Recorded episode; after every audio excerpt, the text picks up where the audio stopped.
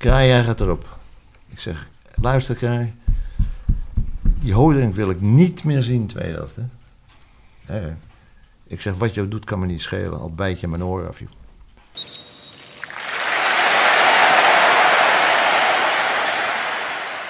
Staantribune nummer 22 gaat grotendeels over de 65ste verjaardag van de Graafschap. Met onder meer een prachtig verhaal van Maarten Hagelstein over Simon Kistenmaker. En wie is meer toepasselijk voor deze podcast dan Kistenmaker zelf? Dus togen we naar zijn huis om op audiëntie te komen bij de kist. Stel je de volgende situatie eens voor. Een keukentafel, heerlijke broodjes van zijn vrouw Thea, Maarten Hagelstein, supporter van de Graafschappen, Jim Holterhues, hoofdredacteur Staantribune, Edwin Muis, de presentator en uiteraard de belangrijkste persoon, Simon Kistenmaker. En dan lekker over voetbal lullen. Oh ja, bij Simon thuis hangt een aantal klokken en heel af en toe klinkt hij wat zachter, dan verschoof hij iets naar achter op zijn stoel. Welkom bij aflevering nummer 5, de podcast. Simon, ik las in ehm, het artikel van eh, Maarten in Staantribune eh, de passage dat jij zegt: Ik leef in, ehm, zoals jij zegt, ik leef in geschonken tijd. Ja. Wat houdt dat voor jou in? Precies wat ik zeg, hè. Ik, eh, dat gaat over de eerste keer dat, ik, eh, dat er een hersentumor bij mij eh, geconstateerd werd. En eh, daar ben ik geweldig ziek van geweest. Toen heb ik, in mijn gevoel heb ik al met één been in de hemel gestaan. En toen heb ik een zootje, rommel in mijn hoofd. Ze hebben, de hersentumor kon niet geopereerd worden. Omdat ze anders dan eh, dingen zouden gaan beschadigen. En daar zit je niet op te wachten natuurlijk. Want dan word je wakker de volgende morgen. En dan zit je met je boordenknopen je, je gulp vast. Een beetje eh, voor je uit te, te kwijlen. Dus eh, het alternatief was eh, bestralen. Om de groei uit die tumor te halen. En dat hebben ze gedaan. Dus ik, heb een zootje eh, radioactieve stof, eh, stof in mijn kokosnoot gehad. Daar hebben ze Japan een half miljoen gemoord met die troep. Hoe is het nu met je? Eh, als, je, als je over de, hu- de her- eh, hersentumor hebt, dat, eh, dat gaat goed. Ja. En ja, daarna heb ik, dat was 2011, 2012. En toen 2014 eh, kre- had ik, heb ik prostaatkanker gehad. Antonie van Leeuwen ook weer 35 eh, bestralingen. Toen dacht ik, nou, voor de rest van mijn leven is dit wel genoeg geweest. En eh, toen een paar, maanden geleden nu bleek dus dat eh problemen had met mijn aorta, hartklep. Die bezig is om dicht te slippen. En mijn e- eerste reactie was, laat maar zitten, geen polonaise meer aan mijn lichaam. Toen zei hij, nou ben je binnen een half jaar dood. Dus nu zit ik in het, eh, weer in het eh, traject. Eh, onderzoeken, onderzoeken, onderzoeken. Afgelopen woensdag dag in het AMC doorgebracht. En, die, die moet geopereerd worden. Nou is de manier wanneer, de vraag wanneer en, en hoe. Ja. Ze maken mijn borstkas niet open, omdat daar te veel risico's in zitten, omdat ik al prostaatkanker heb gehad. Dus eh, ik hoop, zoals het er nu uitziet, dat ze dat door mijn kunnen doen. En dan, dan moet ik een paar dagen daar blijven en dan brengen ze me terug naar, eh, naar het ziekenhuis als ik, eh, als ik er nog ben. ja. Dus Tot zover eh, een beetje het medische contact. Maar we zijn natuurlijk wel heel benieuwd hoe het met je gaat. Maarten, een vraag voor jou.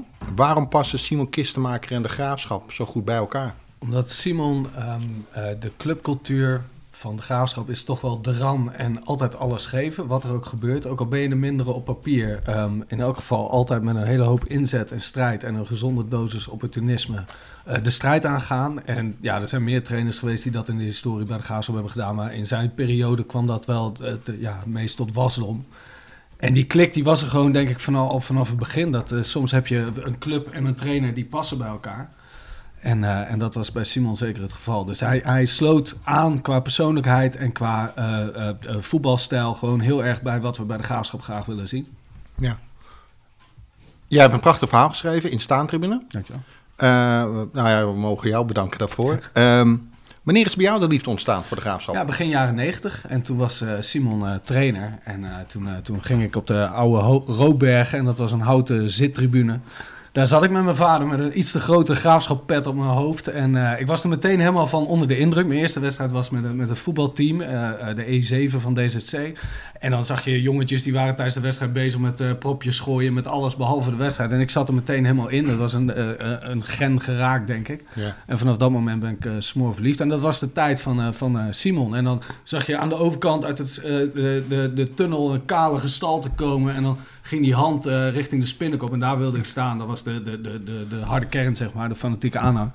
En dan, uh, dan ging die hand en dan, uh, dan werd het hele stadion gek. En dat maakte een enorme indruk op me. En ja, dat was zijn, zijn magie. Hij kon de Vijverberg met een beetje theater en een beetje, ja, een beetje passie... kon hij de Vijverberg goed op zijn kop zetten. En dat gebeurde in die tijd. En dat seizoen in de Eredivisie, we, we werden ongeslagen kampioen onder Simon. En uh, in 90, 91 het seizoen in de Eredivisie. Ja, prachtige wedstrijden thuis tegen Ajax en, uh, en tegen Feyenoord. Ja, weet je, dat is wat we zijn. Dan hoef je nog niet eens te winnen, want Ajax verloren we bijvoorbeeld. Maar met zoveel uh, opportunisme, strijd, passie, ja, dat was echt een geweldige wedstrijd. 1-0. Ja. ja. Is dat ook een beetje het type voetbal wat jij voorstond bij de Graafschap, Simon? Ja, niet alleen bij de Graafschap. Maar uh, dat is altijd mijn uh, manier van voetballen geweest. Uh, en paste geweldig bij de graafschap. Dus toch ook een, een, een uh, die, bij de mentaliteit van de graafschap. Hardwerkende mensen. En uh, die willen gewoon strijd zien op een voetbalveld. Ja. Heb jij ooit zo'n gevoel gehad bij een andere club als dat je had bij de graafschap? Jawel, bij Utrecht. En bij de meeste clubs waar ik gewerkt heb. En Engeland of Australië. Ja. de mentaliteit. Ik, waar we het net over gehad hebben. Uh, ik hou van Engels voetbal. Daar heb ik altijd van gehouden. In het begin weet je, weet je wel eens uitgelachen. Want ik ging dan een week naar Engeland toe. In, met de kerst. Dan ging ik vijf wedstrijden kijken. En hier werd er een beetje met minachting over Engels voetbal gesproken. Wat, wat deed je dan? Was dat gewoon lekker opladen zoals normaal mensen op vakantie gaan? Of was het ook scouten? vakantie. Ja. Uh, ik nam mijn vrouw mee en die, die, die dropte ik dan bij Herrods. Die vermaakte zich wel. en ik ging lekker wedstrijden kijken, West Ham United, alles. Je hebt ja. zo Tottenham, uh, noem ze maar op, de clubs in Engeland. Hè. Je kan ze uitzoeken met die ja. En ik denk dat de graafschap op zich qua, qua uitstraling en qua identiteit ook wel iets Engels heeft. Ja. Op, op zijn Nederlands wel, maar toch wel, weet je wel, bij ons valt dat net wat beter in goede aarde. Dat je, dat je met wat strijd en opportunisme en een goede scrimmage, daar, daar zijn we ook niet vies van, weet je wel. Dat hoort er toch een beetje bij. Wat overigens niet betekent, want dat was ook niet in de tijd van Simon, uh, dat we in ieder geval goede voetballers houden. We hadden het net over, hè? Ja. Je had ook een aantal technische spelers. Ja, maar ik hield ook van technisch goede voetballers. Ja. Er wordt wel eens gezegd, Kist, uh, gewoon die, die uh, strijd en uh, de lange bal erin. Ik heb, ik heb het net al hebben het over gehad, hè. wat voor mij voorop staat en waar ik ook getraind heb, welke club dan ook. Je speelt voetbal voor het publiek. En je moet je, je publiek moet je boeien. En, en wat wil het publiek wil zien? Dat er dingen gebeuren op een veld. Dat je aanvallend voetbal speelt schoot op de doel, uh, duels. we hebben ook, uh, Ajax is uh, vier keer kampioen geworden. Maar als je het voetbal zag op een gegeven moment, dan werd het eerste kwartier werd er breed gespeeld. Achteruit, breed. En van die kommetjes. Ja. ja. dat was niet te harde af en toe. Nee, maar ja. je speelt toch voor het publiek voetbal. Daar komen ze voor. Die, die, die mensen komen naar, naar een voetbalwedstrijd toe. Het is een club. En die willen strijd zien. Die hebben de hele week hard gewerkt. Die willen ontspannen. En dan strijd en lekker biertje drinken in huis. En, en zo werkt het. En dan kun je zeker bij de graafschap, want ja, daar hebben we wel wat ervaring mee, ook gewoon rustig verliezen. Snap je? Als het, uh, als het op een manier gebeurt waar wij achter staan. Ja, die wedstrijd tegen Ajax toen was een goed voorbeeld, maar dat gebeurt nu ook nog wel eens. Wat, wat, is, wat is die manier waarop jij zegt, nou ja, we hebben helaas verloren, maar... Dat ze in ieder geval, weet je wel, dat je in ieder geval ze de stuipen op het lijf hebt gejaagd. Dat ze als ze dan in de bus naar de Randstad uh, terugzitten of naar Eindhoven van mijn part, dat ze denken van, ja, weet je wel, oké, okay, we hebben gewonnen, maar de, die boeren hebben ons wel flink afgejaagd. En gewoon, uh, weet je wel, dat is, dat is waar we voor staan. Niet voor de beste prestaties of het beste voetbal. Maar wel maak het ze dan maar gewoon op inzetstrijd, mentaliteit, fysiek, zo lastig mogelijk. En Maarten zei net van dat als jij de tunnel uitkwam, dan bespeelde je zeg maar een beetje publiek. Hè? Dan deed je, dan deed je zo, dan gingen ze Simon, Simon. Deed je dat vaker, dat soort dingen, om het publiek een beetje Ja. zeg maar achter je te krijgen? Ja, ja, ja. Als het nodig was wel, ja. En, eh, dan hebben we het over de graafschap. Als je natuurlijk de tunnel uitkwam, dan eh, op een gegeven moment weten ze dat. Begonnen ze al je naam te scanderen. Nou, ik wist precies. En dan, of je liep er even naartoe. Of eh, e- even die gasten laten zien dat je, dat je met ze meeleeft. En dat we gewoon eh, gezamenlijk die, eh, die wedstrijd aangaan dan. En zo is het. Ja. Je bent de combinatie, je, je bent de, de trainer, je bent de baas. En die geeft het aan. En het publiek, dat, eh, die moet het uitvoeren. We zitten bij, bij de graafschap super dicht op het veld, ook nu nog in het nieuwe stadion. En dus is die wisselwerking ook gewoon altijd heel belangrijk tussen spelers en trainer. En ook nu is dat goed hoor. Maar dat hoort gewoon ook bij de graafschap. Geen afstandelijke toestanden of geen, eh, weet je wel, geen pasjes in de mix. Maar gewoon, de graafschap is een club waar relatief gezien mensen gewoon echt door elkaar heen lopen. En de, de voorzitter een biertje in doet eh, voor de steward of voor de suppost, zeg maar. Snap je? De, de lijntjes zijn korter. Ja. En die, die wisselwerking tussen spelers en, en publiek, ja, dat hoort ook gewoon echt bij ons. En dat was toen ook zeker. En dat feest eh, na afloop was geweldig altijd. Ook niet onbelangrijk. Tap Nee, open maar- en gehakt in de pan, toch? Hè? Tap open en gehakt in de pan. Fantolien. Ballen hakken in de pan en tappen met die handel. Maar dat lijkt bijna een soort, wou niet zeggen uitstervend ras zijn. Je komt er heel weinig nog tegen, wat jij net beschrijft, Maarten. En, en jij, Simon. Nou ja, de Clubs. afstand, de afstand ook bij de graafschap is wel, weet je wel, het, Tuurlijk. het, het is niet meer zoals toen misschien dat alles door elkaar liep, zeg maar. Maar eh, ja, tegenwoordig is denk ik ook zeker bij andere clubs is dat veel meer. Heb je op de ene etage heb de hele rijke mensen en op de andere etage net wat minder rijke mensen. En weer, snap je, het is allemaal onderverdeeld en dat mengt niet echt. En het Nee. mooie is juist als je één club kan zijn en iedereen met elkaar mengt, weet je wel, dat, dat hoort ook bij de Achterhoek en bij de graafschap. Ja. Zie je toch ook dat het geld een rol speelt. Hè? Want het is gewoon minder gezellig geworden dan. En eh, dat duurde dan tot 12 uur. En dat van Koten, die moest dan eh, naar huis. En die zei Tantolien eh muziek uit en stoppen met tappen. Dan kwamen ze naar mij toe. We zijn net begonnen, man. tappen met die handel, bal in de band, muziek aan. En van Koten ging kwaad naar huis. En dat vond niemand erg. Nou, hij was toch niet gezellig. Dus dan ging het door tot drie, vier uur. Dan gingen we binnen door de weggetjes. Veldwachter op varken, die, eh, die, die haalde je toch niet in. Ja, mooie tijd, man. Ja. Ja, de warmte van de mensen. Als je ziet, ik heb er gewoond natuurlijk. Ja. Ik, heb, ik heb voor het eerst bij een club ben ik gewoon. Ja, Australië was even te ver om naar huis te gaan iedere keer. Maar ik heb, we hebben er vijf jaar gewoond. Ik zou er nog willen wonen. Eigenlijk jammer dat je Ik- toen bent weggegaan. Ik eh, krijg thee niet mee. Nee? Nee, de kinderen wonen hier. En eh, ze zegt, ik ben eh, overal eh 18 jaar gegaan. Ik zou er zo willen wonen. Als ik in, in de Achterhoek kom, dan eh, heb ik gewoon een lekker, lekker ontspannen gevoel. Thuiskomen toch een Ja, beetje. ja. Het gekke is, ik was vorige week met Jim, vorige week woensdag in Amsterdam. Toen moesten wij, wij bij een paar collega's staan. Toen hadden we het over dit gesprek en over de graafschap. En jij zei, dat ben ik helemaal met je eens. Op de een of andere manier is de graafschap een club waar niemand een hekel aan heeft. Ja. Misschien moet je het omdraaien. Die iedereen wel op de een of andere manier sympathiek vindt. Ja, maar ook de, de waarde waarvoor, waarvoor de graafschap staat, dat vindt, toch, ja, dat vindt toch iedereen mooi. Gewoon dat, dat, eh, eh, het publiek zit dicht op het veld, het, het gaat om strijd, om passie. Eh, de- het, het, het originele shirt met, met die strepen, dat is mooi. Het stadion ligt mooi. Ja, er is, er is eigenlijk niemand. Ik ken geen enkele supporter in Nederland die een hekel heeft aan de, aan de graafsprinsen. Hè. Je hebt altijd Ajax en mensen hekel aan of Feyenoord of, of NEC, Vitesse. Maar de je, dat vindt iedereen een sympathieke club. Misschien heeft dat ook met prestaties te maken dat we niemand ooit echt in de weg zitten. Ze wees- winnen meestal Nou. van ons. Hè? Nou ja, Ajax misschien een keertje. Kan, kan me nog Brian herinneren. Smees herinneren. Maar, Nee, zeker, maar zelfs maar- dat, om aan te geven. Ja, ja, dat is wel zo. Ik denk ook dat, dat als je kijkt naar hoe diep die club in de Achterhoek verankerd is... en hoe, hoe diep dat in de mensen zit, dat is echt wel heel bijzonder. In de hele regio ook. Maar, maar het gekke was, ehm, in de jaren tachtig hadden die nog van die Roby-shirts volgens mij. ja, klopt. Ja, toen had ik helemaal niks. John Trentelman en zo, ja, de Graafschap, dat, dat was een club uit, uit Doetinchem. Die kende ik uiteraard, maar ik had er verder niks mee. Ik heb het idee, Simon, want ik praat er voor mezelf, dat het pas is begonnen toen jij er kwam. Het imago is wel voor een groot gedeelte. Lekker en dat, voetbal, dat volle superboeren bak, ja. en de, de boerenbruiloft, daar begon het eigenlijk mee. Ja, dat is wel in die periode is dat wel. Het, het werd dat in ieder geval ook landelijk kreeg dat meer uitstraling Ja. dan, eh, dan eerst. Ja. En daar heeft het, denk ik, het stadion ook mee te maken. Maar wat ook gewoon belangrijk is, is dat je ook als club en als aanhang ook gewoon op je strepen staat. Dat je die cultuur bewaakt. Op een gegeven moment hadden wij een keer, een aantal jaren terug, stond er in de krant op een maandagochtend een keer een klein stukje, echt zo'n één kolommetje over eh, dat de graafschap misschien in de toekomst overwoog om kunstgras te nemen. Was nog helemaal niet concreet. Ja. Dus heel misschien dat ze op kunstgras zouden gaan voetballen. Nou, drie dagen en er was een volksopstand uitgebroken en ze hadden de hele parkeerplaats volgelegd met allemaal graszoden met eh, eh, al speelt heel Nederland op rubber, superboeren horen in de blubber. En daarmee geef je wel ook als aanhang en als, als club je eigen grenzen en je eigen identiteit vormen. Als we dat niet hadden gedaan, dan hadden we misschien nu ook op plastic troep gespeeld. En dat kan natuurlijk niet bij een club als de Graafschap. Dus daar moet je gewoon ook als supporters en als club zelf ook altijd heel bewust van zijn dat je die waarde uitdraagt, zeg maar. Zeker.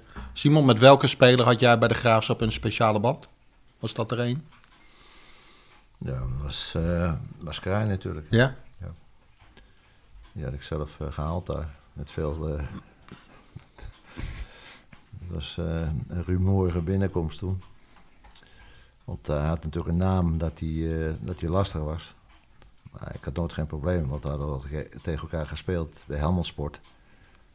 En, ik schot hem helemaal van rot. En dan zag ik hem al kijken.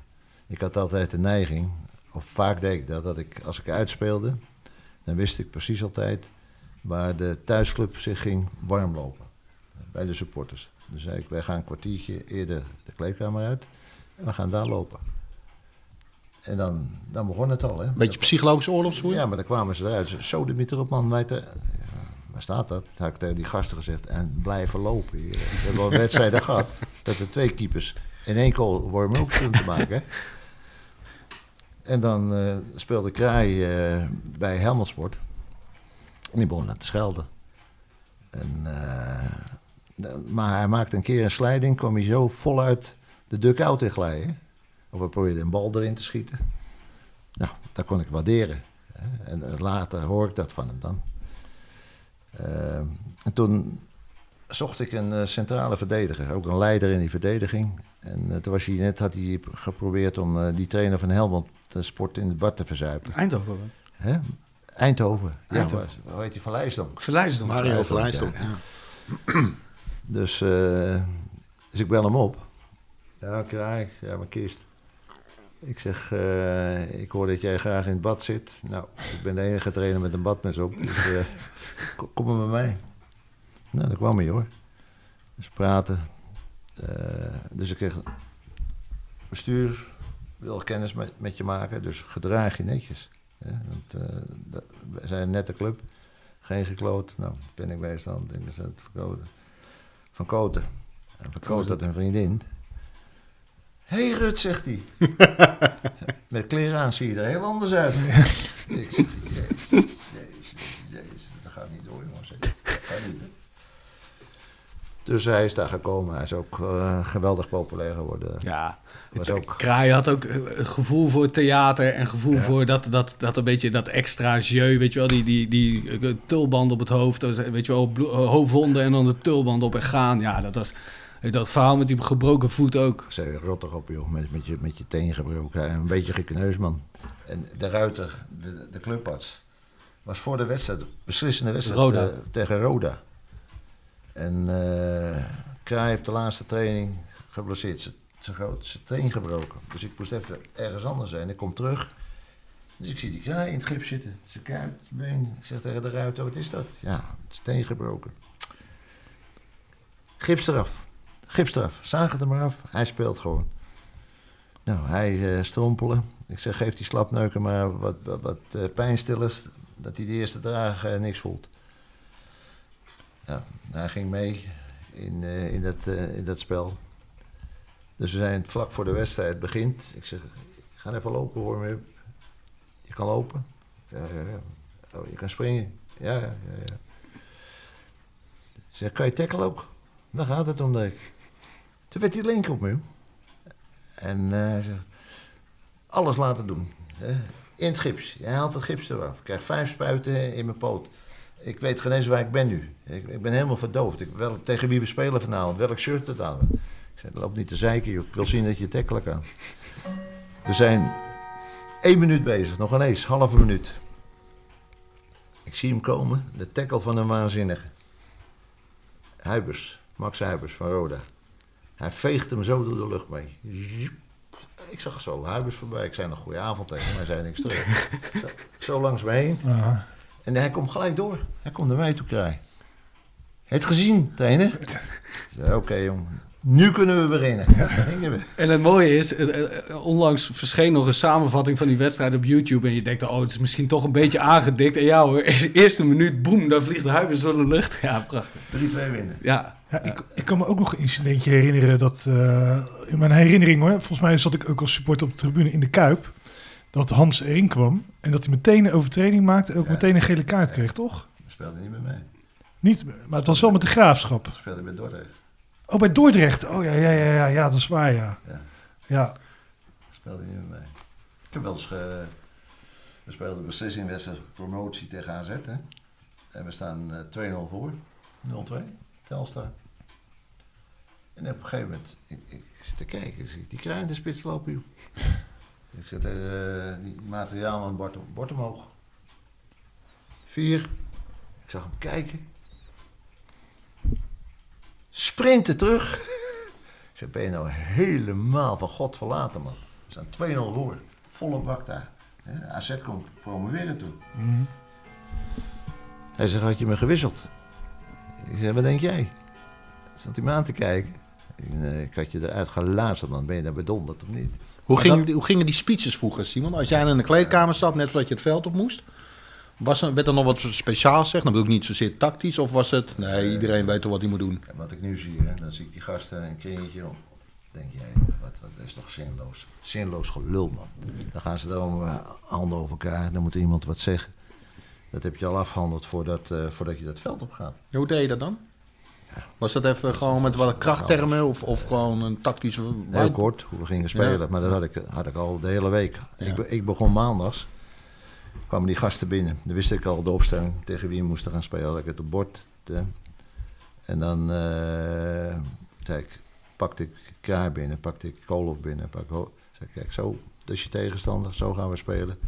En dan gingen we maandags trainen. De manier waarop we die tegenstander gingen bestrijden.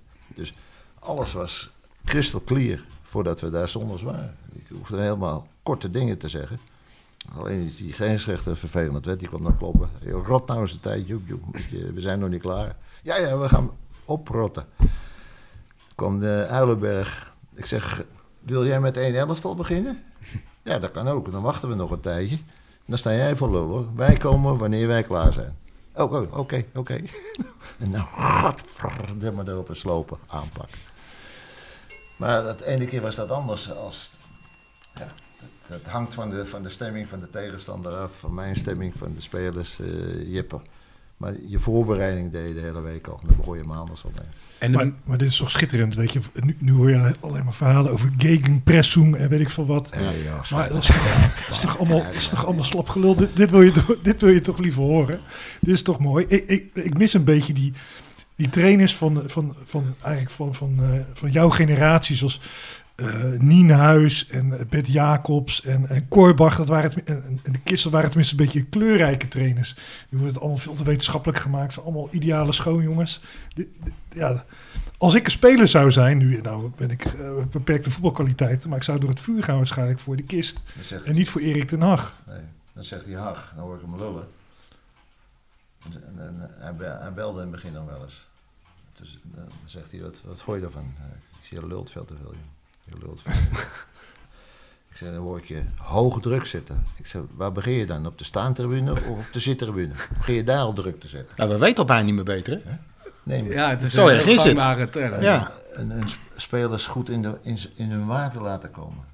Goed in hun waarde laten komen. Rot op, je zegt gewoon wat ze moeten doen. En als je niet in, in hun waarde, dan loop je naar de lijn en scheld je ze van rot, man. En nou dit doen, dan kom ik je halen. Anders rot ik je eruit, man. Maar Simon was ook echt bij uitstek iemand die een team echt tot, tot ja, een verzameling individuen kon laten geloven dat ze echt iets heel groots kon. Hij was uh, psychologisch heel sterk.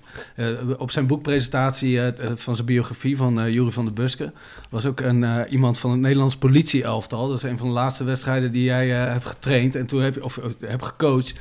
En er was een agent die dus in het politie-elftal speelde en die zei, ik wist niet wat ik meemaakte. Die man had tegen me gepraat en ik ging echt door, door, door reclameborden heen zo ongeveer. En daar wordt dan wel eens een beetje geringschattend over gedaan van ja, het is een motivatie, kunstenaar, alsof dat iets minder is. Maar het Alsof lijkt mij juist heel knap kan.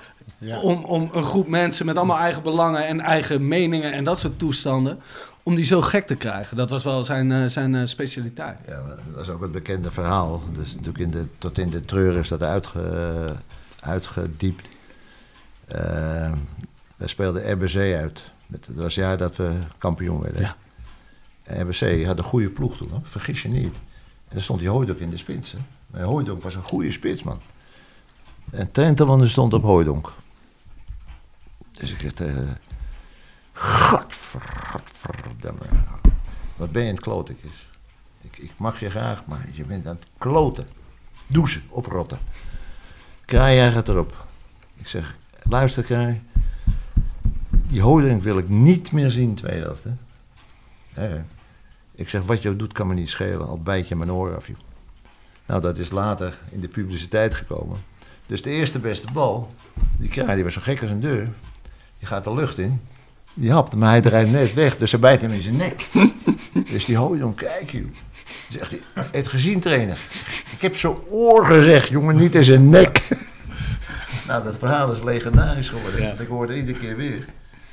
Maar we wonnen wel. En eh, we gingen als, als, als, als duivels gingen ze. Maar ik denk dat dat belangrijker is. Dat, dat merk je ook met, met... Ik ken Ten Hag, hij heeft bij me gespeeld. Ik heb hem gehaald toen, hè. Van, van, van Twente, gehuurd. Voor twee jaar was hij 18 jaar. Was een eigenwijze eikel. Maar wel een prima gozer. Eerlijke gozer, niks op aan te merken. Op een gegeven moment had ik een goed middenveld. Van Kessel, Godet en Matai. Matai had ik gehaald, die ken ik van Halen, maar die had zijn poot gebroken. Die Felle een, dubbele beenbreuk gehad. Wit-Rusland uit. Ja. Dus ik zeg tegen... Dus ik zeg, Oh, Marcel Pepe, ja. ik Ja. zeg tegen, tegen eh, Van Koten, nou ja, hij had er niet veel verstand van, maar soms luisterde hij wel eens. Daar vroegen toen 6, 7 ton voor, voor Martijn. Want het was gewoon een aankomende international. Ik zeg, die moeten we kopen. Ik zeg, als je hem nu 150 biedt, 150, dan heb je hem. Ja, hij zegt, maar hij is mank. Ja. Ik zeg, eh, hij is nou- nu mank. En toen, de eerste maand, dat liep hij zo, hè, die Martijn. Dus we koten, ja, daar gaat meer investering. Ja, lulman. Op een gegeven moment was hij fit. Maar had ik topfit. En was een, dat was een ideale speler voor de Graafschap. Zo'n felle flikker. Ja, ja. Dus op een gegeven moment kwam de Haag daarnaast. Nou, daar kwam hij hoor. Ja, wat moet je? Ja, even praten. Je geld niet gehad? Ja, oké. Waarom sta ik er niet in? Ja, omdat er drie in staan, die zijn beter. Oh, ja, ben ik niet mee eens. Ja, dat is jouw probleem. Dus eh, je zit op de bank, eh, vriend. Misschien, die Lucas is geblesseerd, misschien dat je nog eh, kan gebruiken als rechtervleugel. Nou, dat doe ik niet, zegt hij. Ik zeg, nou, dan ga je lekker op de tribune zitten. Ik moet geen ongemotiveerde spelers op de bank hebben. Nou, dan ging hij. Weg. Deur, hap. Komt hij een dag later terug. Train. Ik zou het toch wel graag willen proberen. Ik zeg, weet zeker? Nou, toen heeft hij een paar wedstrijden rechtervleugel. deed hij nog goed ook, want hij was slim.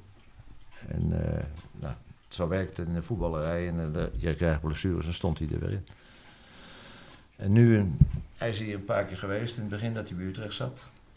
En eh, nou, de laatste keer Ajax, je praat veel te veel, man. Veel te veel uitleggen. Je moet doen of je, of je, of je tegen supporters praat. Zo moet je dingen uit gaan leggen. Niet of je hoog druk gaat zetten of dat spelers in een, in een, in een waarde of in een, in een, in een In een kracht staan. kracht staan. Man, zo de mythe erop, man. Dat is toch niemand in Zie je het geïnteresseerd. Henk de Jonge bij, eh, bij Graafschap niet doen? Nee, die praat ook de, de taal wel van de, van de supporter inderdaad. Dat hoort ook gewoon bij, eh, bij de graafschap. Ik denk, eh, als je echt tactisch... eh, we hebben ook trainers gehad die daar minder, eh, die daar minder, eh, die minder pasten. En dat waren ook altijd een beetje de trainers die ver van dat soort eh, ja, taal af, eh, afstonden. De Pieter Huistra's en zo, dat was allemaal wat minder eh, geslaagd. Ik weet op Rinus Michels, hè, die kwam eens kijken. Toen was ik trainer bij Volendam. En ik ken hem van Jos. Hij was, eh, ik kwam naar hem bij, bij Jos. Hè. Toen ging hij naar Ajax toe van Jos. Ik heb toen twee jaar bij Jos getraind. Dat is een mooie eh, quizvraag. En eh, toen eh, zei hij, eh meneer Kistenmacher, of Simon, Simon, ja, journalist, joh. niet alles uit gaan leggen, joh. gewoon kort, duidelijk. En dan je, heren, tot de volgende week, hè. Maar dan staan ze alles tot in de treuren uit te leggen, man. Dat moet je helemaal niet doen. Zonder weetijd. Maar ja, kijk naar alle praatprogramma's, hè.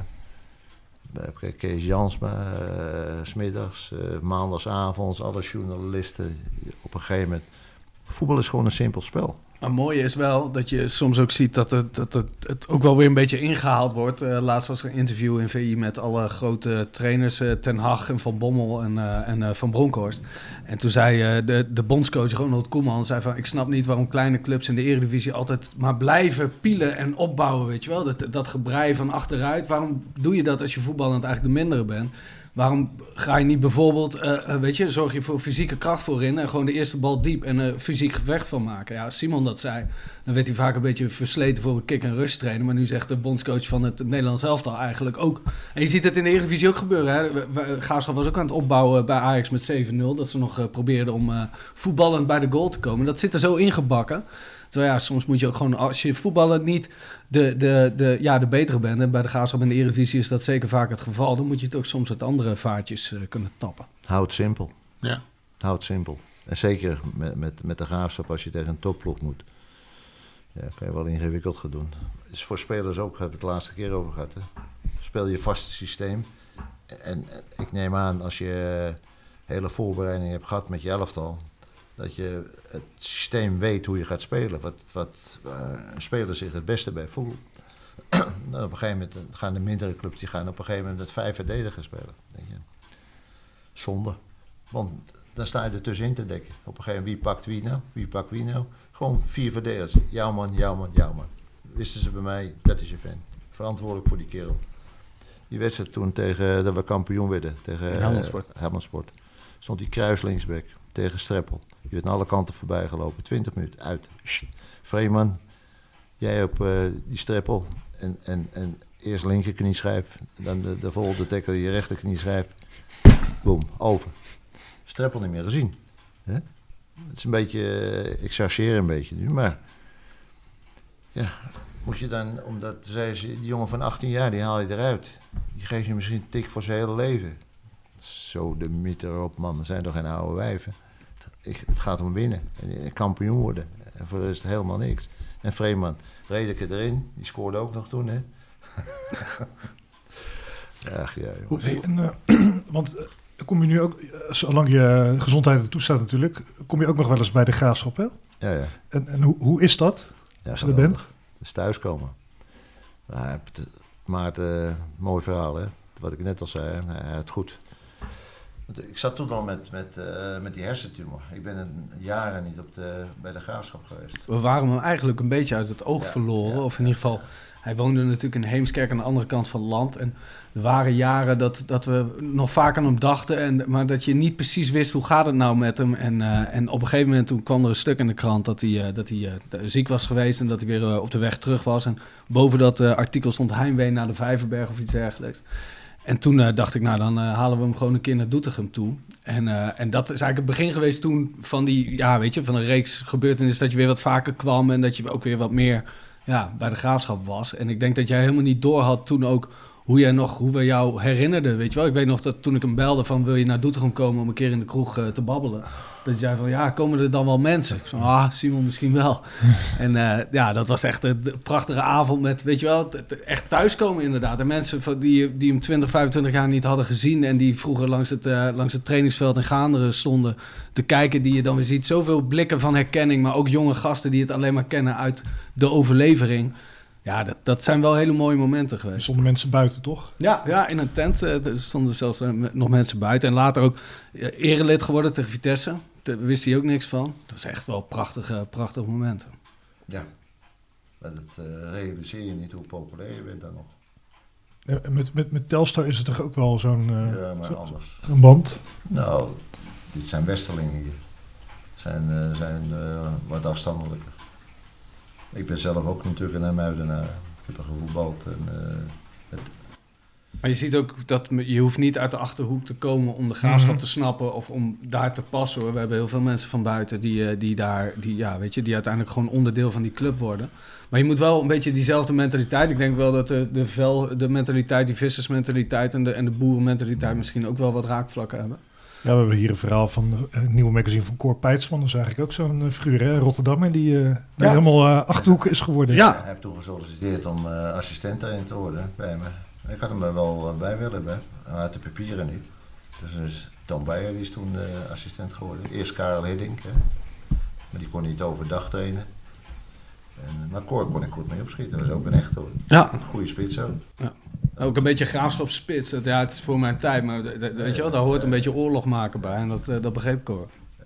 Dus, ja. Nu is, ehm, we hebben hier nog even, ehm, volgens mij een half uur, drie kwartier van tevoren, buiten de uitzending om, zitten praten. En toen viel onder meer de naam Jurie Koolhof.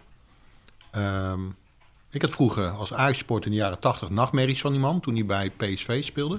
Hoe is hij ooit bij de Graafschap gekomen? Echt een hele sierlijke voetballer, vond ik dat altijd. Ik had toen het eerste jaar getraind bij eh, de Graafschap. En toen hadden we Van de Klei en Van de Brink in de spits lopen. Die zagen er goed uit. Mooi aangekleed. Haar zat altijd netjes. Hadden een heel klein gebrekje. Ze konden niet voetballen. Dus ik denk, ja, daar moeten we wat aan doen natuurlijk. De basis van het elftal was goed. Twee goede spitsen erbij. Nou, Domi Nesseling, die tipte mij. Van de Gelderlanders journalist. Gelderlander op een, eh, op een eh, belde op Simon, ik heb een, eh, een goede spits zien lopen. Waar? Eh, Peter Hofstede heet hij. Ja, ik zeg, hoe oud is hij?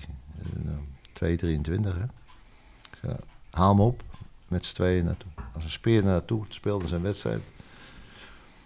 En toen, ik zeg Hielke Enstrink, die zat toen in het bestuur, technische zaken. Was eh, zelf goed gevoetbald. En daar kon ik heel goed mee. Dus dat was mij een beetje tegenwicht naar Van Koten toe. Eh, ik half uur staan kijken. Ik zeg halen. Halen. Hielke, laat hem bij je thuis komen. Nodig hem uit. Halen. Dit is hem. Dit, dit is de, de, de taakman eh, die we nodig hebben in die eerste divisie. Groot, sterk, snel. eh, was, was, goed. Maar Twente zat ook achter me. Dus we moesten snel zijn. Toen kennis gemaakt met zijn vader. Die had een sloopbedrijf. hè. En, en dat klikte gelijk met mij. eh, Qua, qua denken en, en praten. Toen hebben we in eh, Motel Arnhem hebben, we, eh, met z'n Hielke erbij met z'n vieren zitten praten. En toen zei eh, hij, hij, komt, hij kan naar Twente toe, maar hij komt voor de kist komt hij naar eh, de graafschap. Dus dat bleek eh, een gouden greep te zijn, dat is gewoon een topspits. Daar heb je nog een, een, een, een achter nodig, die hem ook bedient en, en, en, en, de Pasen geeft. En toen, wat we net hadden net al over, hij was. Ik ken hem van PSV. Hij naaide ons erin. Het was Volendam PSV in Volendam. En eh, speelde hij met die Torensen samen in de spitsen. En Colo was gewoon een technisch eh, hele goede spits. Had een schot, beide benen, maakte hem geen zak uit. Dus hebben we op een. eh, maar had, was een Vitesse, had hij, hij, kon, niet overweg met Bert Jacobs. Dus die wilde hem liefst kwijt. Toen hebben we dan op een zondag hebben de hele dag zitten praten, zijn vrouw erbij. Was de duurste speler. Die ging boven de, boven de ton verdienen. Nou, dat was al voor graafschap. eh, maar het was wel de ideale combinatie. En eh, die hebben eh, een fantastisch eh, seizoen gespeeld. Eh, die twee eh, waren de, de gasten voor de goals. eh. Paste precies in het elftal. Goede mentaliteit ook. En eh, als, hij, als hij die kruisband, hele zware blessure heeft hij gehad. Is hij meer dan een jaar eruit geweest, had hij al gewoon in de top blijven spelen. Bij PSV of welke buitenlandse club ook. Dat is een nekkenbreker geweest. En tweede jaar, tweede jaar in die Eredivisie, toen was hij minder. Maar viel ook, Hofstede raakte zwaar geblesseerd hè? Schouder. tegen zijn broer, hè? Willem II. Willem Ja. Thuis, ja. En eh, toen zag je ook, je kon, je kon Jury niet in, alleen in de spits zetten. Want daar had hij de snelheid niet meer voor. En, eh, maar met Hofstede was het een geweldige combinatie. En daarna heeft hij nooit meer dat niveau gehaald. Bij, eh, bij, eh, Veendam heeft hij toen eh, heeft hij nog gespeeld. Ja. hè? Veendam heeft hij toen nog gespeeld. Ja, hij is naar Veendam. Ik ben weggegaan toen hij bij mij gespeeld. Want toen na- daarna die nek erin. Besliste eh wonnen met 0-1 in Nijmegen. Toen eh, pakte hij weer een periodetitel. Prachtige speler altijd, eh Kool. Maar een geweldige voetballer. Dus eh, Wat betekent het erenlidmaatschap van de graafschap voor jou? ja, eh, het verraste me. Ja. Dat moet ik wel zeggen. En eh, ik ben, daar ben ik geweldig trots op. Als je de tekst, zal je denken, ga ik nou even naar boven. Zal ik je de tekst laten lezen? Ja, dan kan je alleen maar eh, heel erg trots zijn. Hoe mensen je zien dan en hoe mensen over je denken. Terwijl hij maar vier jaar trainer was, van 89 tot Ja. 93. We hebben natuurlijk veel trainers gehad die een paar jaar blijven en dan weggaan. En die dan min of meer een herinnering achterlaten. Maar dat, ja, die tijd heeft bij zoveel mensen zoveel indruk gemaakt. Ja. Dat het toch wel iets extra's is of zo. Het is ook een soort baken, weet je wel. Je kunt altijd een beetje een trainer van de graafschap... altijd een beetje langs een soort kistenmaker meetlat leggen... van nou, past hij er of past hij er niet? En dat, ja, weet je, daar ho- hoort een trainer gewoon aan te voldoen. Dus hij is ook gewoon, be- behalve dat hij vier jaar trainer is geweest... en dat we mooie momenten met hem hebben gehad... ongeslagen kampioen is natuurlijk voor de graafschap een bijzonder unieke prestatie... Maar hij heeft ook, zeg maar, in, in de hele symbolisch en gewoon als baken heeft hij ook gewoon, eh, eh, betekent hij ook iets. Het is gewoon, Werkt dat ook zo bij jullie als supporters dat je een soort blauwdruk hebt voor een nieuwe trainer? En die blauwdruk heet Simon Kistenmaker. Ja, je moet wel een aantal dingen voldoen, wil je bij ons in het putje vallen? Ja, je moet, je moet wel. Dat is ook een beetje gevoelsmatig ook. Weet je wel, dat kun je soms helemaal niet precies onder woorden leg- leggen of eh, brengen of de vinger opleggen. Maar dat, dat hoort wel, ja. Iemand, iemand moet gewoon bij de graafschap passen qua mentaliteit, qua uitstraling, qua gevoel. En de, ene trainer heeft dat wel en de andere niet. En dat- soms heb je ook bij een trainer, dan wordt hij meteen aangesteld en denk je al, dat wordt niks. Ja, en dan is dat ook gewoon vaak zo. En omdat Graafschap een best wel bijzondere, unieke club is met een eigen identiteit, hoort daar ook gewoon een, een bepaald type trainer bij. Dat is misschien toch bij andere clubs ook anders. Als ze bij ons, eh, eh, eh, de opvolger van, van Simon was Jan Versleijen, niks kwaads verder over die man, maar dat was een trainer die, die wilde Ajax voetbal introduceren met driehoekjes. Nou, weet je, er is nog nooit zoveel geslapen in de Achterhoek als toen. Een hele uitgeruste regio, want iedereen lag te pitten tijdens die wedstrijd. Ja, dat, dat slaat niet aan. Terwijl bij andere clubs, ik denk bij Willem II of pak een beter andere club, dat het misschien best, weet je wel, dat dat werkt en dat, dat, mensen dat dan leuk vinden als dat dan leuk en eh, sierlijk en met tikjes en driehoekjes. En bij, bij de Graafschap moet je toch net iets meer dat dranvoetbal en dat, ja, die, dat gifkikkervoetbal hebben. Hey, en, en hoe was het dan? We hebben in het nieuwe magazine ook een vrouw van Frits Korbach. Hè? Die eh, is qua resultaten de meest succesvolle Zeker. trainer wel geweest. Met een achtste plek in eh, 96, 97. Absoluut. Hoe, hoe, hoe kijken jullie tegen hem aan? Over kleurrijke trainers. Ja, trouwens ook heel positief natuurlijk. Het enige was, dat heeft toen destijds een beetje, ehm, eh, eh, was dat niet heel prettig dat hij op een wat vervelende manier wegging en de supporters strontboeren noemde in de media. Dat viel toen een beetje slecht. Maar hij was natuurlijk eh, eh, qua trainen en qua uitstraling en qua persoonlijkheid paste dat perfect. En eh, dat, dat was wel, weet je, dat, eigenlijk hebben we nooit meer zo goed gepres- eh, gepresteerd. Dat was bijna een ongraafschapse periode, want normaal gesproken zitten we altijd of onder in de eredivisie of boven in de eerste divisie. En het is altijd, gaat het ergens over. En toen waren we ineens subtopper en gingen we met, eh, met, eh, met 50 bussen naar Amsterdam. En maar waren we gewoon derde in de eredivisie. Heel bijzonder. Ja. Maar het ook, en dat is dan altijd zeg maar, de gemene delen tussen dat soort elftallen. Succesvolle graafschap elftallen, de basis, harde werkers, ook veel achterhoekse spelers.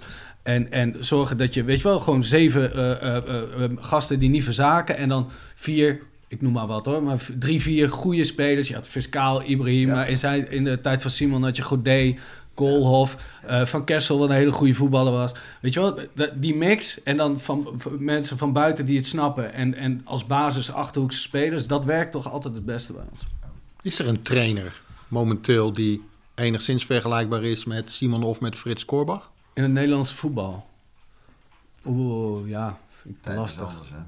Tijd is gewoon ook anders. Nou, of een trainer waarvan je zegt, kijk, je hebt toch Henk de Jong en volgens mij past hij heel Past goed bij de ja. club, maar die zal Ja. ook ooit eens weggaan. Ja, Wat, wat zou een, wat zou een fatsoenlijk opvolger zijn Oh, voor dat- supporters? Ja, daar heb ik laatst wel eens over na zitten denken, omdat Henk de Jong nog niet heeft verlengd op dit moment. Van ja, wie zou het dan moeten worden? Maar ik kwam niet echt direct op één. Erik ten Hag zal het niet worden, hè, denk ik, als nee. ik zo hoor. Nou ja, weet je, nee, ja, die, die, die heeft op dit moment ook wel wat andere dingen. En ik denk niet dat hij van Ajax naar de graafschap gaat. Maar ehm, eh, ja, je zou misschien in de verte Gertjan Verbeek, maar ik weet niet of ik daar nou zo dol op, op zou worden. Ik, ja, ik vind dat wel lastig om nu, eh, om nu een, een ander te bedenken. Ik denk dat we het met Henk de Jong wel redelijk hebben getroffen nu. En, eh, en ja, zo'n trainer, type trainer als Simon, ja, die worden ook gewoon wat minder gemaakt. Hè? Die, ja, daar is er ook maar één van. Maar dat, ja, weet je, een tweede Simon Kist te maken, dat, eh, dat is wel lastig om te vinden. Maar we hadden bijvoorbeeld in het verleden ook, Kalesic heeft het goed gedaan en, en eh, Jan de Jonge. Daar voelde je ook bij, wel bij aan dat dat een soort van paste. Dus ja, het, het, het- bestaat wel nog dat de trainers passen. Maar zoals Simon, dat, eh, dat wordt het nooit meer, denk ik. Neem me nou eens mee, hè. Het is ehm, zaterdag. S'avonds speelt de Graafschap thuis. Ja. Eh, er staat een prachtige foto, vind ik, in het nieuwe staantribune. We proberen niet te pluggen, maar dan zie je de staantribune. Verder zie je zo'n modderachtig veldje. Ja. Sjoerd Moussou schreef er nog onlangs over. Ehm, hoe werkt dat bij jou? Dan zit je natuurlijk al wat te appen met vrienden, bekenden. eh, en dan loop je daar naartoe. Eerst even een beetje sfeer. We hebben een prachtige nieuwe supporterskantine. Die door ja. ja, een prachtige route op weg. Nou weet je, ik kom altijd met de trein. Ik heb sinds kort al een auto, maar ik kom altijd met de trein. En dan ga je, loop je zo door die woonwijk langs het spoor. En dan over zo'n paadje waar je altijd 35 keer uh, uitglijdt over de modder. Uh, langs een natuurgebiedje. Weet je wel, het is een heel bijzondere entree. Je loopt echt ja, eigenlijk in het bos en ineens verrijst daar een, een stadion. Ja, dat, dat gevoel, dat is niet onder woord. Dat is echt gewoon altijd een soort van, ja, cliché, maar het is altijd wel thuiskomen. En dan, we hebben een prachtige uh, kantine en daar sta je dan even met mensen voor te beschouwen. En eigenlijk altijd dezelfde gesprekjes. Uh, hele vertrouwen in, nou, ik uh, weet nog niet. En ik, ik, heb altijd een slecht voorgevoel, dus ik ben altijd zenuwachtig. En dan de spinnenkop op, vak 15, even de, de, de koppies zien in de warming-up, zeg maar. Ik, kijk altijd liefst even hoe, hoe, ze de, hoe ze ervoor staan. Ja, en dan weet je, het is ook die opkomst op de Vijverberg als dat vol zit, weet je wel. En die, daarachter die bomen, die, daar druipt dan de, de, de dauw vanaf. Dat is gewoon, ja, weet je, dat, dat heb je nergens zo. Ik, ik ga ook veel uitwedstrijden en niks tegen AZ of ADO Den Haag. Maar als ik dan in die nieuwe stadions ben, weet je wel, die allemaal aan de snelweg liggen. Allemaal door dezelfde architect zijn verzonnen. Dan ben ik wel heel blij dat ik om de twee weken naar de Vijverberg mag. Dat, uh, dat, uh, daar moeten wij nooit weg, denk ik. Is, is daar wel eens sprake van geweest, dat uh, de Graafschap ja. zou verhuizen? Ja, in begin jaren negentig uh, was er sprake van dat ze naar Sportpark Zuid uh, zouden gaan. En um, er is in de, in de jaren 2000 is er nog, uh, zouden ze eerst naar Weel, is een dorpje bij Doetinchem. Daar was best wel veel uh, protest tegen, want de Graafschap hoort natuurlijk in Doetinchem. En later bij het station nog, ja, weet je, dan zou er een multifunctioneel stadion voor 17.000 mensen worden gebouwd. Terwijl, weet je wel, dit stadion past ons gewoon perfect als een jas die we nooit meer uit moeten doen. Dus je moet daar, weet je wel, je moet daar niet weg. De Eagles moeten niet weg van de Adelaarshorst. De NEC moet niet weg uit de Goffert. Sommige clubs zijn gewoon ook gebonden aan ja, de plek waar ze spelen. En ik ben heel blij dat dat nooit is doorgegaan. Want ik, ja, ik zou dat echt niet trekken. Ik zou het echt niet trekken. De, de, de, Vijverberg is gewoon wat wij zijn. Weet je wel, dat is, dat is kleigrond, weet je wel. Het is klei. En daar horen wij gewoon te voetballen, niet elders. En, en uitbreiden, zou er wel sprake van geweest? Ja, nou ja, we, we verkopen nu zeg maar, het zit nu vol, maar ook niet uh, grote wachtlijsten. Dus mm. uh, niet concreet. Niet concreet. Er is wel eens over, over gepraat als het nou heel goed uh, zou blijven gaan. En je zou een aantal jaren in de Eredivisie spelen achter elkaar. Dan komt daar misschien een keer sprake van. Maar we zijn nu ook telkens een club die of promoveert of degradeert. Je kunt er nu wel een halve ring bovenop bouwen. Ja. Maar dan heb je in de eerste divisie straks weer een probleem. Ja. Uiteindelijk hopen we natuurlijk ja, wat structureler in de Eredivisie te spelen. Het is een prachtig stadion. Als je ziet ook beneden hoe dat allemaal modern is. Top, uh, top stadion. Wat verwachten jullie voor de komende tijd, de komende tien jaar voor de graafschap? Uh, we hadden het net over, Vijverberg zal ongetwijfeld blijven. Er komt een likje verf op en uh, we gaan vrolijk door. Nou, wat ik heel erg hoop is dat, dat de club eigenlijk straks structureel wat langer in de eredivisie kan voetballen dan nu. En, um, want ja, het is, het is heel mooi wat we hebben eigenlijk. Want je, je speelt altijd ergens om. Hè? En je ziet toch ook bij clubs als Groningen, bij Herenveen, bij Utrecht. Ik noem het maar even de play-offs om Europees voetbalclubs, zeg maar, de middenmotors. Da daar loopt het leeg. Daar heb je, wij spelen altijd of degradatie, super intens, of promoveren. Het is altijd de dood of de gladiolen. Maar dat heeft wel als nadeel dat als je degradeert, dan, dan gaat 2,5 miljoen van de begroting af. Dan moet meteen alles weer worden uitgekleed. Dus het is heel moeilijk als je als club telkens heen en weer gaat om iets op te bouwen. En ze moeten eigenlijk een keer proberen om, uh, uh, zoals Heracles een keer is gelukt, PEC, met een beetje mazzel en beleid, om dan... Excelsior. Ja, dan bouw je ook, dan kun je echt een organisatie opbouwen, ook een voetbalorganisatie opbouwen. Ook financieel natuurlijk. En ook financieel. Het, het scheelt per jaar 2 miljoen. Wij zaten net te praten, ik vond dat jij echt wat zinnig zei, Simon. Um, ik zeg dat zegt hij wel. Ja, ik had die opmerking al verwacht natuurlijk. Dus ik hoorde mezelf zeggen en ik had er alweer spijt van. Je had het over scouting en de jeugd. Nou, de laatste keer met, met Maarten over gehad. Hè. Ik vind dat. Uh, en dan denk ik terug aan mijn eigen tijd, dat ik daar was. Dat, eh, dat eh, kern van een elftal. En ik, ik begrijp wel dat het soms moeilijk is, want je hebt wel talenten nodig. Ze moeten er zijn. Maar speciaal een club als de Graafschap, daar moeten altijd vier, vijf jongens uit de Achterhoek staan. Ook de binding met je, met je, met je, met je supporters. En die zijn er. Op dit Eh, moment hebben we wel eh, eerder je Maar ook, ook eromheen. Want jij was net heel uitgesproken. Nee, die heb je nu niet, vind ik. Eh, je, hebt nou, je haalt nu gasten binnen. En dat heeft natuurlijk ook met je financiële mogelijkheden te maken. Die gewoon niet eh, geschikt zijn voor de Eredivisie. Dus je haalt wel spelers binnen. Maar op de lange termijn gaan die ook weer weg. Hè, omdat ze niet de kwaliteiten bezitten. Ja. En ik vind gewoon dat je je eigen mensen op moet gaan leiden. En zeker als je ziet. eh, ik, ik heb nou kaarten. Ik heb een paar honderd kaarten gehad. Hè, van die actie van, van, van de kaartenactie voor Simon gaan. Ja. En eh, de betrokkenheid van de mensen. En ook de jeugd. Er zitten ook, ook, ook eh, jeugdspelers bij. Hoe dat leeft. Hè? Dat ze trots zijn op een club. Dat ze graag bij de graafschap willen spelen. Je zal je eigen spelers op moeten leiden. Je moet zorgen dat je een goede, goede accommodatie voor de jeugd creëert. En, en, en waar ze kunnen trainen. En zet daar gewoon de... Ik noemde ze net al, hè? Eh, Rogier Meijer, Jan Vreeman, De Braak. Die kennen ook de mentaliteit van, van, van de Achterhoek. Laat die die gasten trainen. En daar ben ik van overtuigd dat je je eigen spelers op kan leiden. Eh, Ik denk dat het heel belangrijk is dat je, dat je Achterhoekse jongens in die, in die selectie hebt zitten. En wat we, waar we het net over hadden, en de gasten die je niet hebt, die zou je moeten halen. De- de- die meerwaarde hebben voor een, voor een elftal. Maar even terug te komen in het begin eh, over, over de mentaliteit. Achterhoekse mensen zijn bescheiden. Hè? Die, die wachten af. Westerling hebben een grote smol. Echt een grote bek. Die, die weten alles, dat denken ze tenminste. Dat is niet zo. Er lopen ook goede tussen hoor.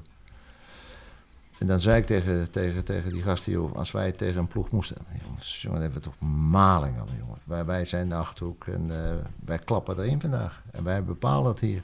En opgerotten met die, met die grote smoelen. En, en dat is belangrijk. Als je eh, het brutaal zijn, en dat zit niet in een achterhoek. Daarom wilde je het ook op het veld zien, snap je? Dat zit eigenlijk niet Ja. echt in de Achterhoeken. Die is wat bescheiden. Eigenlijk is de Achterhoek al vereerd dat Ajax en Feyenoord op bezoek komen. Maar als ze er dan zijn, dan willen we graag eigenlijk dat ze, dat ze flink worden aangepakt en weten dat we er zijn. Dat hoort ook bij een beetje waardigheid en een beetje bij, ja. En dat bluffen. ja. Hè? Zeker tegen die ploegen. Dat je, dat, dat je op een, ik heb een wedstrijd gespeeld. Dat was niet bij de graafschap. Hè, Dat was met Dordrecht. En toen was Korberg was trainer bij Cambuur. En ik had, ik, had dat jaar daarvoor bij Cambuur getraind. Ik had mijn contract ingeleverd. Ik had helemaal niet naar mijn zin daar. Eh, ik had twee jaar contract. Eén jaar zei ik, jongens, ik had het idee dat ik, eh, dat ik eh, van, van, van een bowlingclub trainer was. En wij spelen dan de laatste wedstrijd om promotie naar de Eredivisie. Is het Cambuur, Dordrecht. En te- ik speelde altijd één, één op één achterin. Geen laatste man. Gewoon. En Korberg was trainer bij Cambuur. Maar ik, ik kon goed met Frits. Eh, Ik vond Frits eh, zo'n peer. Eh, wat Ma- Maarten al zei, hij heeft toen die fout gemaakt om, om de supporters van Stoneboer. Dat is natuurlijk een Het hele... is hem nu vergeven hoor, maar Ja. dat, dat was destijds. Maar dat namen ze hem toen kwalijk. Ja, zeker. Dus ik zeg, wij hadden, wij hadden een, een, eh, genoeg aan één punt. Cambuur moest winnen. Dus toen kwamen ze naar me toe, we gaan, we gaan gewoon eh, met een verdediger spelen, extra verdediger. Nee, wij spelen gewoon één op één. Dus die wedstrijd is aan de gang. Fri- Frits had zijn brilletjes op, sigaartje zo. Ja. Maar begon met inlopen al. 20 minuten op hun helft. Nou, dan brak de pleuris uit. Stevens stond op doel en Gim die stond bij Cambuur. Twee keepers, wat ik net al zei. Hè. Warming up. Dan lees ik later in de krant van Carlo de Leo, die speelde toen bij Cambuur. Godverdomme, de kleren man. Dan lopen die klootzakken op onze helft, hè, wat wij altijd gewend zijn. Ik denk, nou, het heeft toch... eh, En, en Frits, die moest aanvallen. En- Maar die speelde met de laatste man. Dus ik, ik denk, ja, ik wacht, ik wacht. Want hij moet, hij moet winnen. Ik denk, nou, half uur gewacht. Ik denk, neem ik het initiatief. Ik gooi er een spits bij. Kijken wat hij nou gaat doen. Dus ik haalde Stout eruit, middenveld. Ik gooi Jaap van der Wiel erin. Ik zei, eh, schuif door naar Erkers. Erkers, die speelde toen daar laatste man. Binnen, binnen, binnen, binnen 10 minuten was de wedstrijd 0-2 winnen. Klaar daar. Dan denk je, godverdomme, wat hadden ze mooi te pakken. En da- daar ben je trots op dan, dat je durfde. En wat ik net ook zei, met scheidsrechters, grensrechters. Wij bepaalden, dan zei ik, het is ons stadion, onze kleedkamer, ons veld, onze bal ook nog. Wij beginnen, nu komen we, nu zijn we klaar. En, en stond, ik zeg, laat dat Ajax dan maar even in die tunnel wachten met die, eh, wind aan de- om hun billen heen. En dan begon Kraaiel, die sloeg dan tegen die deuren aan, hè. Ah, jongens, we slopen ze. We slopen ze vandaag dat Ajax, jongens. Ze gaan en je zegt, ah. Hé, hey, Bergkamp, jij bent voorbij, jongen. Eerste tackle. Je moet de hele wedstrijd omlopen kijken, want ik pak je, hoor. Dat was de enige wedstrijd waarbij de ouders van Dennis Bergkamp niet kwamen kijken. Tegen kraaien, tegen kisten maken. Want dat, eh dat bleef er niet zo veel heen, heel van. En wat zei dan eh, zo'n Louis van Gaal tegen jou? Eh, hij kwam naar de wedstrijd naar me toe, moet ik wel zeggen. En zei hij, wat, want ze, ze scoren. Eh, ik zeg, geweldige omstandigheden waren. Een beetje natte sneeuwveld, jongens. Jezus, jezus, van een oorlog maken. Dus goed, die spits Pettersen, Ja. Mhm. ja, die schoot hem een vrije trap in. Via de muur, o- olieslager ging die kant op en die bal ging daar. En, en toen bracht hij een kwartier van tijd John van Loen binnen. Ik denk, nou, hij gaat risico's nemen, joh. Maar die gooide die achter zijn verdediging. Want het was één stormloop van de graafschap om die gelijkmaker te maken. Toen kwam hij in de afloop naar me toe, zei de Kiss, je hebt geweldig gespeeld. Wat zijn wij hier goed weggekomen. 23 corners gehad en Aha. de bal ging er net niet in. Ook dat is dan de wel weer een beetje de graafschap. Ja, ja. Als die ballen er wel in gaan, dan hadden we wat meer su- eh, sportief succes. Maar ja, dat, is wel, dat zijn de wedstrijden die je bijblijven. Je had een disco-bus die dan eh, altijd langs het huis van eh, Simon eh, kwam. Ja. En die stopte dan even voor zijn huis. En dan stonden ze allemaal Simon, Simon, midden in de nacht. En dan stond hij met een kale, kale klats van hem uit het raam te zwaaien. Ik was daar net iets te jong voor. Maar ja, die verhalen gaan ook van generatie op generatie. Maar dat, weet je, er zijn trainers bij wie je dat niet doet. Bij wie je niet in de, in de voortuin gaat staan om vier uur s'nachts. Omdat je daarbij denkt, dat, dat voelt toch niet helemaal goed. En Simon is ook een trainer die dat, ja, die dat oproept bij supporters en bij mensen. Dat, dat, ja, mensen zijn gewoon, ja... Maar ik was toch wakker. Ik kon nooit slapen. en dan gingen ze Polonaise door de tuin heen. Hé, hey, Simon de Marcel. Hey. nou, dan ging het spul voorbij. En dat was standaard, hè. Op Ja. een gegeven moment. We wonnen veel toen. Dus eh, ze waren eigenlijk eh, om de 14 dagen gingen ze door mijn tuin heen. Prachtige tijden. Ja, man. Eh, die- Je vertelde net over die kaarten die je kreeg. Had je dat verwacht? Dat je zoveel, dat je zoveel aandacht zou krijgen? Nee. Ik, eh, het hadden ze geweldig mooi gedaan met een foto erop. En eh daar konden ze in tekenen bij de club. Hè. Ja, het nieuwjaarsreceptie. Ik vind me wel of heel veel vrouwen. Ja, dat is gek, hè? Hoe zou dat toch komen, Simon? nee, dat is een grapje. Maar zie je, eh, en, en twee graafschap jongens, dat velde ik tegen jou, hè. Met tekst erbij. En de meesten zetten dan eh, Spelers van nu. eh, sterkte of wat dan ook. Maar die Jurjes, een verhaal erbij. Hè. En ook die van de Pavert. Denk je naar de echte graafschapgasten. Achterhoekse jongens. Hé hey Simon, eh we wensen je veel sterker. We hopen je gauw te zien. En denk, ja, dat, eh, dat lees je dan even eh, met, eh, met meer aandacht. Dat Ja. zei ik ook de laatste keer. Ik zou, als ik met Jurgen zou werken, want ik, ik zeg, want hij is natuurlijk schandalig afgemaakt. Vooral zo'n Derks. Hè. Dat is echt bij de knijden af, die kan er geen kloten voor. De blamage, Ja. eh, dan ben je, daar heeft hij toch hè, een beetje die Derksen. Ik vind, eh, de- af en toe vind ik het een, eh, een eikel. Over, over bijvoorbeeld Rinus Michels en dat zijn vrouw. eh, heel Amsterdam is er overheen geweest. Mhm. Denk, denk joh, die, vrouw is al, al, al tien jaar dood. Wat heeft dat nou voor zin om dat soort dingen te zeggen? Maar met Jurjes zou jij echt nog wel... Maar Juris, ik zeg tegen Maarten, ik, als ik hem bel en ik praat met hem, ik zou hem een stuk eh, zelfvertrouwen kunnen geven, daar ben ik van overtuigd. Goeie keeper hoor. Hij speelde tegen Feyenoord speelde hij goed. Ondanks Ja. Ja. nederlaag had hij een paar Ja, goede reddingen. Maar het is gewoon een goede keeper. Goed, Ja, goede keeper, goed jong. Maar ik snap ook dat als je bij Roda eh, zo'n eh, zo'n jaar hebt waarbij, je, nou ja, waarbij het allemaal wat minder valt. En vervolgens krijg je dat allemaal op je, op je dak. Het zijn allemaal ook vrij jonge jongens, hè? dat vergeten mensen wel eens. Maar ze zijn allemaal begin twintig. Hij leest het elke Natuurlijk, het, ja. Overal mee geconfronteerd. Maar dat, ja. Kan je niet gewoon adviseur nog worden van, van de Graafschap, ondanks je fysieke gesteldheid, zullen we maar zeggen? ja, wel. Het zal we wel eens over gehad, hè. maar dan moet je er ook wonen. En, eh, als, ik, als ik herstel, als dat, ik ga ervan uit dat dit het laatste eh, ongemak is. Dat we genoeg hadden. Eh, dat we toch in die eh, veel meer tijd, heb ik al met Theo, Theo over gehad, veel meer tijd in die achterhoek door gaan brengen. Dat we een huis huren of, of eh, bij die, bij die Sikkeleren, de mooie huizen daar. Dat je daar gewoon een week eh, bent, en, eh, één- één of twee weken in de maand. Mhm. We zullen je met open armen ontvangen zien. Ja, maar dan ook, dan kan je bij een training gaan kijken en dan kan je even praten met spelers, wat ik net al zei. Dan zou ik even eh, die Jurse deken, doe ik altijd. Hè. Ik, ik heb in, in, in Australië gewerkt en daar had ik een hele jonge ploeg. Die had ik zelf opgebouwd. Dan zei ik tegen, eh, dan trainden we s'morgens, zei ik tegen D, jij, jij, jij, we gaan even eh, lunchen. Lunchen? Ja, we gaan even lunchen. Nou, dan gingen we praten, geintje erbij, een beetje humor erbij. Oh, voetbal praten. En als, als ik dan zie eh, Russell Stewart en Danny Wright, dat die, dat die eh, in het Australische elftal spelen. En dan denk ik, jonge gasten, als je zo veel aandacht aan die gasten en dat ze vertrouwen in jou hebben, ja, dan, dan, dan gaan ze beter voetballen ook. Ze weten gewoon, ik was altijd spijkerhard. Altijd eerlijk. Ze kunnen nooit zeggen van hij, hij, hij lult uit zijn nek. Spijker, eh, soms wel eens kiezelhard. Theo zegt, jezus man, je bent meedogenloos soms. Ik zeg maar wel eerlijk altijd. Hè? En dan accepteren ze dat. Want ze weten dat, dat je ze niet belazert. Mhm. Ja, oké. Dat is eh, wat, wat Maarten zegt. Ja, ik kon, ik kon mensen verschrikkelijk goed motiveren. Wie weet, ooit weer terug bij de graafschap?